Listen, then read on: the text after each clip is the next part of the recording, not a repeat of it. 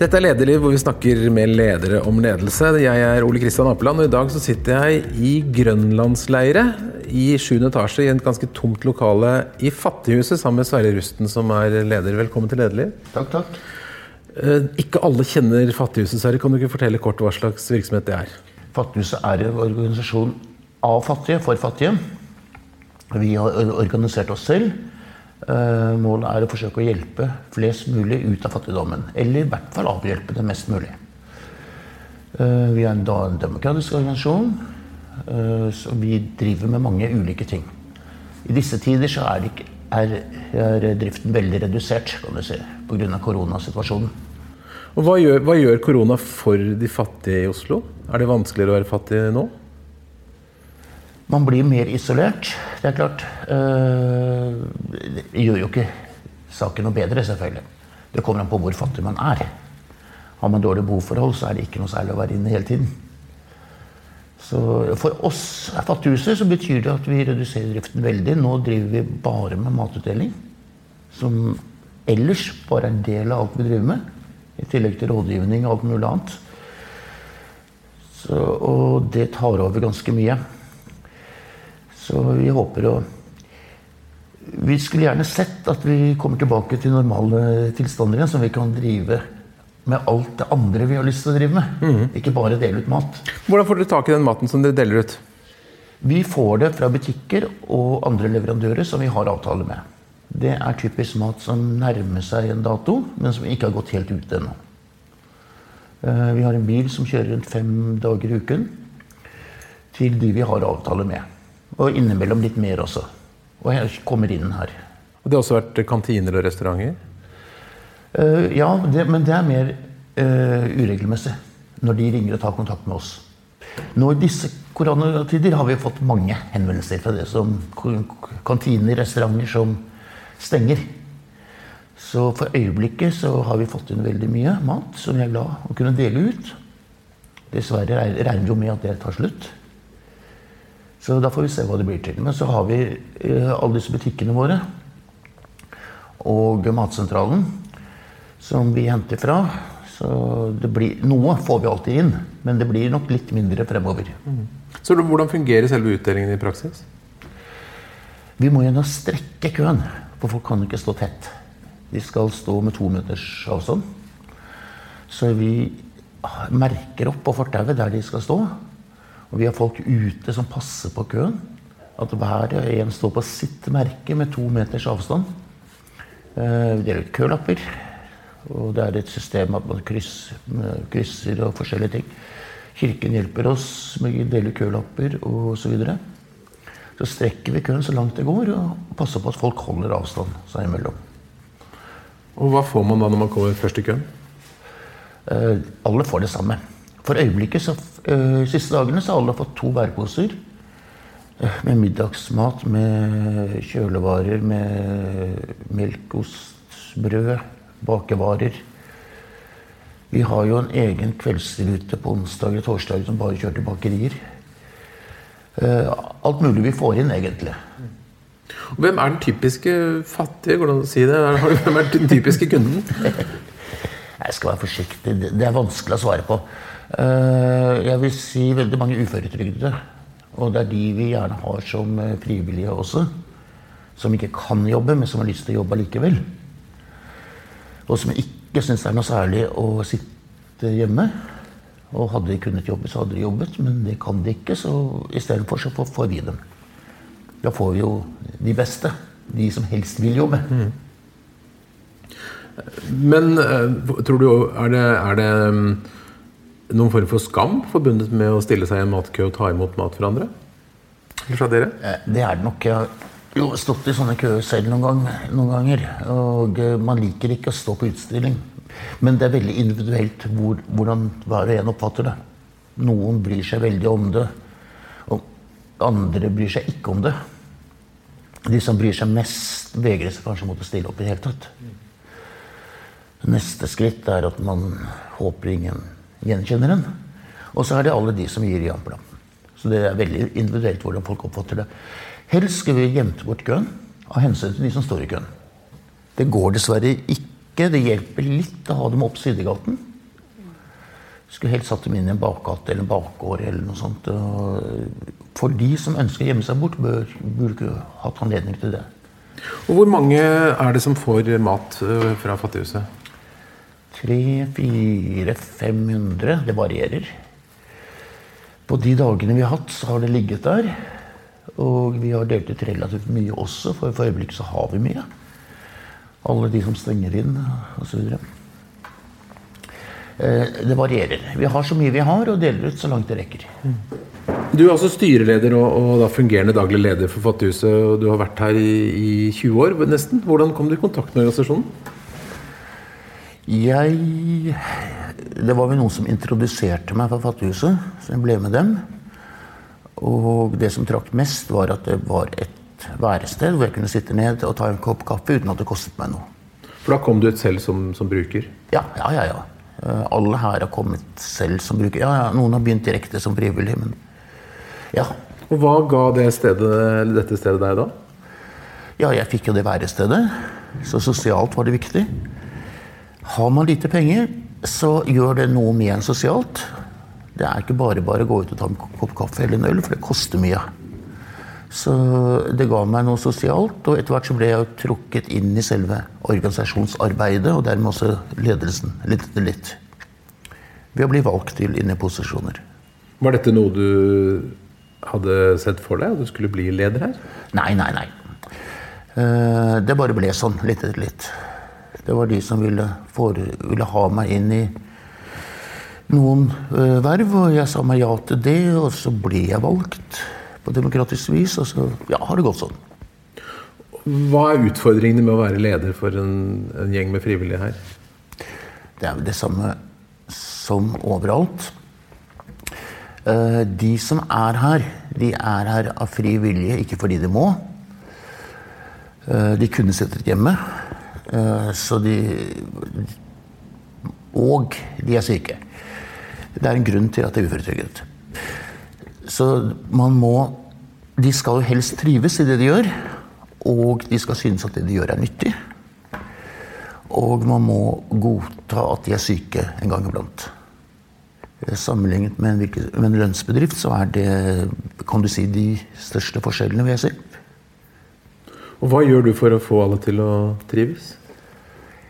Vi, vi må jo prøve å mm, gi folk oppgaver som de trives med, da. Og ikke ja, ta hensyn til hver og en, kan du si. Hvordan opplever du støtten fra omgivelsene for dette prosjektet? For Fattighuset. Nei, jeg syns at de fleste støtter godt opp om Fattighuset.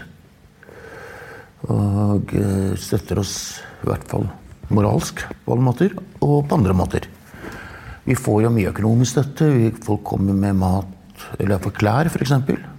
For, øyeblikket tar vi ikke mot klær, for vi har ikke klesutdeling nå. Nå er vi dessverre redusert driften veldig mye til kun å være matutdeling. Men generelt så opplever du at folk er positive til prosjektet? Ja. Men det er ingen jeg på å si, kraftige ressurser som står bak dere? Dere er helt selvdrevet? Riktig. Vi er helt selvdrevet. Det har vi vært fra første stund. Og jeg tror Fattighuset er unik i så måte. 100 brukerstyring, altså. Men eh, hvis man kan kalle dette et, et marked, så finnes det konkurrenter. Det er vel veldedige organisasjoner også, som også driver inn i, i det samme som dere gjør? Ja. Bortsett fra at konkurrenter blir jo galt å si. Vi utfyller hverandre. Eh, Hadde vi solgt brød og melk og smør, så hadde vi vært konkurrenter. Eh, innenfor dette her så utfyller vi hverandre. De andre er jo da mer typiske veldedige organisasjoner, som da er styrt av ressurs, mer ressurssterke mennesker. Og kristne og religiøse osv. Og, så og det de gjør, er jo for så vidt veldig bra. Det er jo ikke noe problem der. og Det er fint at vi kan utfylle hverandre. I Tidligere år så var det en ganske stygg eh, mediesak om dere i eh, Vårt Oslo, hvor du ble beskyldt for både det ene og andre, at eh, de som var frivillige her, tok mer varer til seg selv enn til brukerne osv. Hvordan opplevde du det? Eh, Sånt er ikke bra for Fattighuset. Vi lever jo av vår anseelse. Det er noe vi må regne med kanskje en gang iblant. Fattighuset er demokratisk. Vi er Gjennom årens løp så har vi vært veldig flinke til å gjøre nødvendige utskiftelser. For vi har gjort mange nødvendige utskiftelser. I mange andre organisasjoner så blir ofte de gale sittende fast i organisasjonen. Og organisasjonen går kanskje nedenom og hjem eller fungerer dårlig. Eh, vi har vært veldig flinke til å kvitte oss med de man må kvitte seg med. Ikke nødvendigvis fordi det har skjedd ulovlige ting, men eh, nødvendig organisatorisk. Eh, dessverre har vi også vært flinke til å produsere dårlige tapere. Hva legger du i det?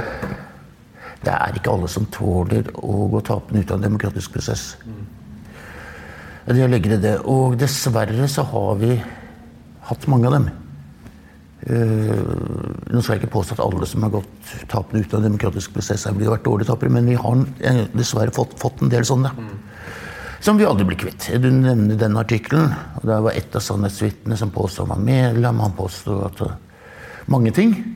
Det som ikke kommer frem, var jo at vedkommende ikke har vært på huset på mm, tolv år, eller noe sånt. Vi trenger ikke gå så dypt inn i det, men tenk på hva Nei. gjør det med deg som leder å få sånn motgang? Nei, jeg må jo ta det. Eh, prøve å stå i mediestormen. Eh, nå var det ikke dette mediestorm. Det var et relativt lite nettgreie i Oslo. Lokal nettgreie. Så, men eh, hvis det er storm, så må jeg stå i det. Det er klart. Og det har jeg det går greit. Jeg tåler Jeg tåler vanskelige Jeg tåler fiendtligsinnede journalister. Men du står da på og har gjort det i mange mange år og jobber masse med dette, og du får ikke fem øre for det. Hva er det som driver det? Altså, nå er ikke jeg den eneste som står på, for det første. Det vil jeg ikke ha sagt. Eh, vi er et styre. Jeg er styreleder. Styret er den daglige ledelse, kan du si. Eh, som eh, fungerer som daglig leder. Ledelsen, kan du si.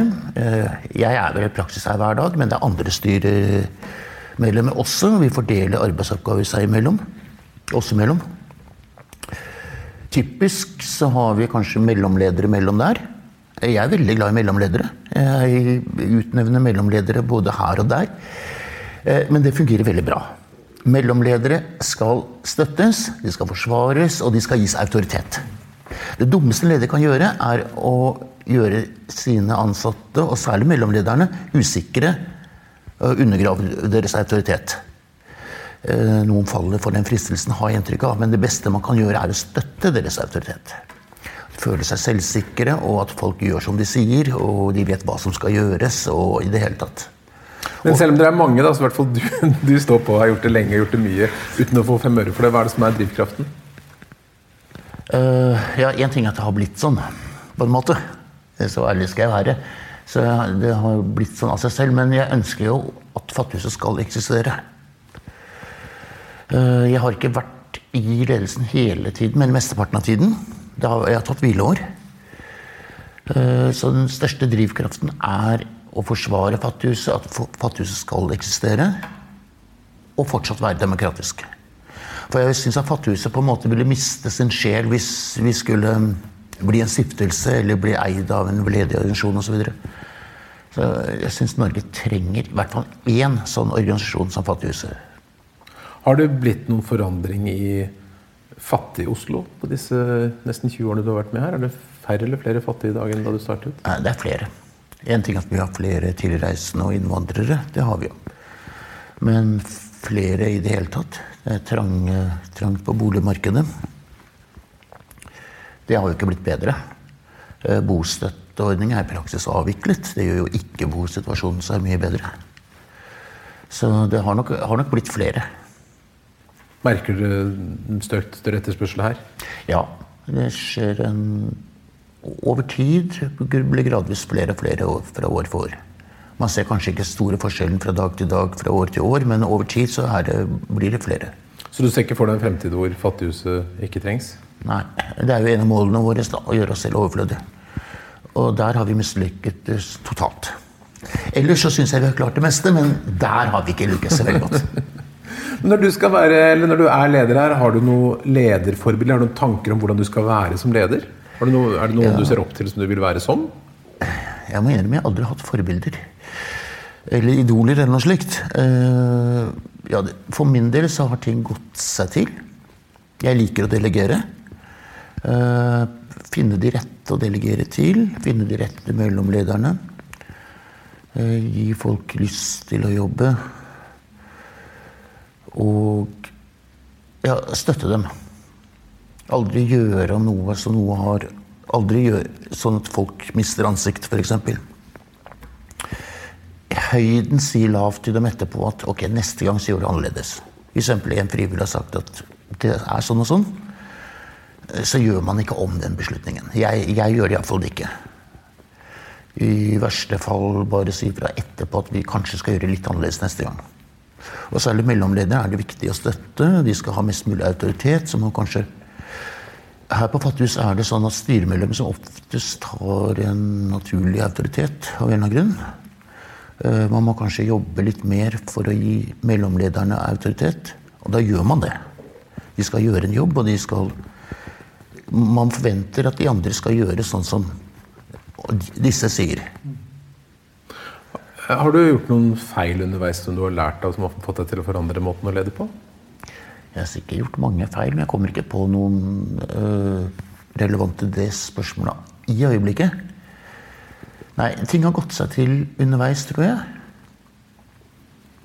Er det annerledes å lede nå under denne krisesituasjonen? Eh, det er mer som må gjøres. Og det er andre styremedlemmer meg som organiserer mer akkurat nå.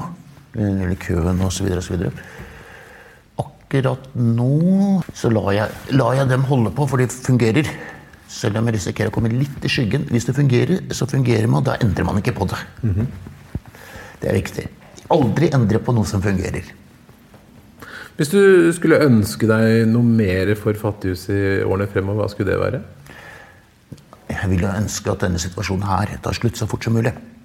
For nå er Fattighuset en skygge av seg selv. Altså, vi gjør den delen som er viktig utad, og som er synlig. Vi skal være så mye mer annet. Vi skal være et møtested. Vi skal være, helst være diskusjoner om sosialpolitikk. Det skal kunne være rådgivning, eh, norskkurs, eh, hjelp til å komme ut av fattigdommen, klesutdeling. Vi har jo hatt frisører, kiropraktorer, massører Veldig mange.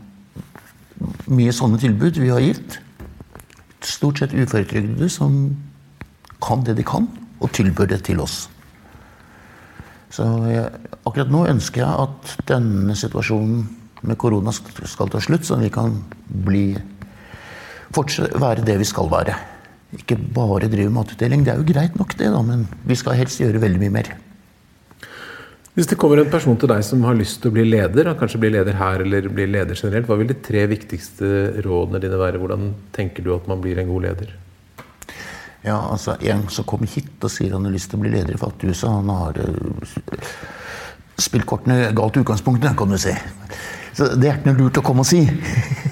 Nei, men, uh, men, bortsett fra det uh, Å gi trygghet og selvtillit og autoritet til de som skal gjøre en jobb. Det er viktig. Eh, det er alle som gjør en jobb. Men la oss si en butikk, så er det viktig at eh, vedkommende bak kassa vet hva hun skal gjøre, hva hun skal si. Hvilke regler som gjelder. At man ikke gjør om regler, eh, gjør om ting hun har besluttet når kunden ser det, og slike ting. er veldig viktig. Så det er nummer én? Gi trygghet? Ja, trygghet og autoritet, egentlig. Ikke sånn at folk mister ansikt. Og det gjelder enda mer overfor de mellomledere. Ikke vær redd for å delegere, egentlig. Og gi ansvar. Og ha mange slags ansvarsområder og eh, forskjellige typer mellomledere. Bare vær sikker på at man utnevner de riktige til de riktige stedene. Mm. Og gi dem autoritet, for de skal gjøre en jobb. Det tror jeg var to råd. Skal vi ta et til? Fins det et til? Eh, det er greit at folk eh, Klare regler er veldig viktig. Veldig, veldig viktig at folk har klare regler. Folk liker gjerne at reglene er klare. Uh, usikkerhet skaffer utrygghet. Så det er viktig å ha klare regler. Mm. Hva er de viktigste reglene her som du innprenter hos folk? Ja, Det er jo flere. Men én uh, ting er uh, sånne ting som hygiene og sånn, særlig disse tider. Uh, måten man møter folk på. Vi kunne sendt folk på smilekurs, men smilekurs lærer man vel sannsynligvis ikke å smile. Det er viktig. Man får vel sannsynligvis bare innprentet at det er viktig å være hyggelig mot folk. Men det er de tingene man jobber med. Og det er en utfordring. For dessverre er det noen få som er vanskelige. Og det er veldig vanskelig for en, en som jobber med folk, enten man jobber i butikk eller her, eller hva det er, å være blid hele tiden når man innimellom blir kjeftet på urettferdig. Så der har vi jo en utfordring, selvfølgelig. Så hvis man jobber her, så må man være forberedt på å få litt kjeft iblant? Man får litt urettferdig kjefting iblant. Eh, fra et lite mindretall, men det skjer. Mm. Folk som ikke skjønner at vi ikke er noe sosialkontor hvor de har rettigheter til det og det og det. Og som ser sammensvergelser overalt osv. Som sagt, dette er lite mindretall. De fleste er hyggelige og greie. Men de blir utsatt for en del sånne ting. Og samtidig skal de forsøke å være hyggelige og høflige mot alle. Og det er selvfølgelig en utfordring. Av alt det du har gjort og oppnådd her i mange år, hva er du mest eh, stolt av eller fornøyd med? Hva er de beste minnene dine? Ja, jeg, jeg, pleier å skryte av at jeg har utnevnt gode mellomledere. Jeg pleier ikke å skryte så mye av meg selv ellers, men jeg, på det området syns jeg det er lov til å skryte. Og ellers, for Fattighusets del litt, litt større, hva er, det, hva er, det, fineste dere har oppnådd? Nei, eh, Anseelse utad er veldig viktig. Eh, at ting fungerer bra med mat og klær som kommer inn, så vi har noe å gi videre. Så ja, en del sånne ting. Eh, vi har en god hjemmeside. Vi, har, vi, er relativt gode på sosiale medier. Der kan vi jo bli enda flinkere. Holde driften i gang og stå oppreist gjennom stormer. For vi får noen urettferdige stormer i gang iblant. Og da er det greit å kunne stå oppreist som jeg har vært. Eh, for noen år siden så var jeg en storm, og jeg mener selv at jeg sto oppreist i den stormen. Og det har de tilbakemeldingene jeg har fått også. Har du et spesielt minne hvor du liksom har følt at Fattighuset virkelig har vært bra? Jeg vil si det er mange minner hele tiden. Eh, folk som er overlykkelige for å få ting. Eh, jeg tror ikke jeg skal trekke fram noen enkelt situasjon, men man, man, har mange sånne. Og det er bra. Folk som kommer som ikke aldri har vært før, og som får hjelp. Og snakker om det etterpå, som kanskje har blitt frivillig i Fattighuset fordi jeg blitt, skjønner, har blitt lært at dette er et bra tiltak. Sverre Rusten, tusen takk for at du ville være med i Lederliv. Bare hyggelig. Bare hyggelig. Takk for at du lytter til Lederliv, som er en podkast fra kommunikasjonsbyrået Apeland. Det er Ellen Paulsen, Lars Jarle Melum, Lars Volden og meg, Ole Kristian Apeland, som lager Lederliv. Du kan trykke abonner, så får du flere episoder etter hvert. Og hvis du har noe på hjertet, så send gjerne en mail til tips at lederliv.no.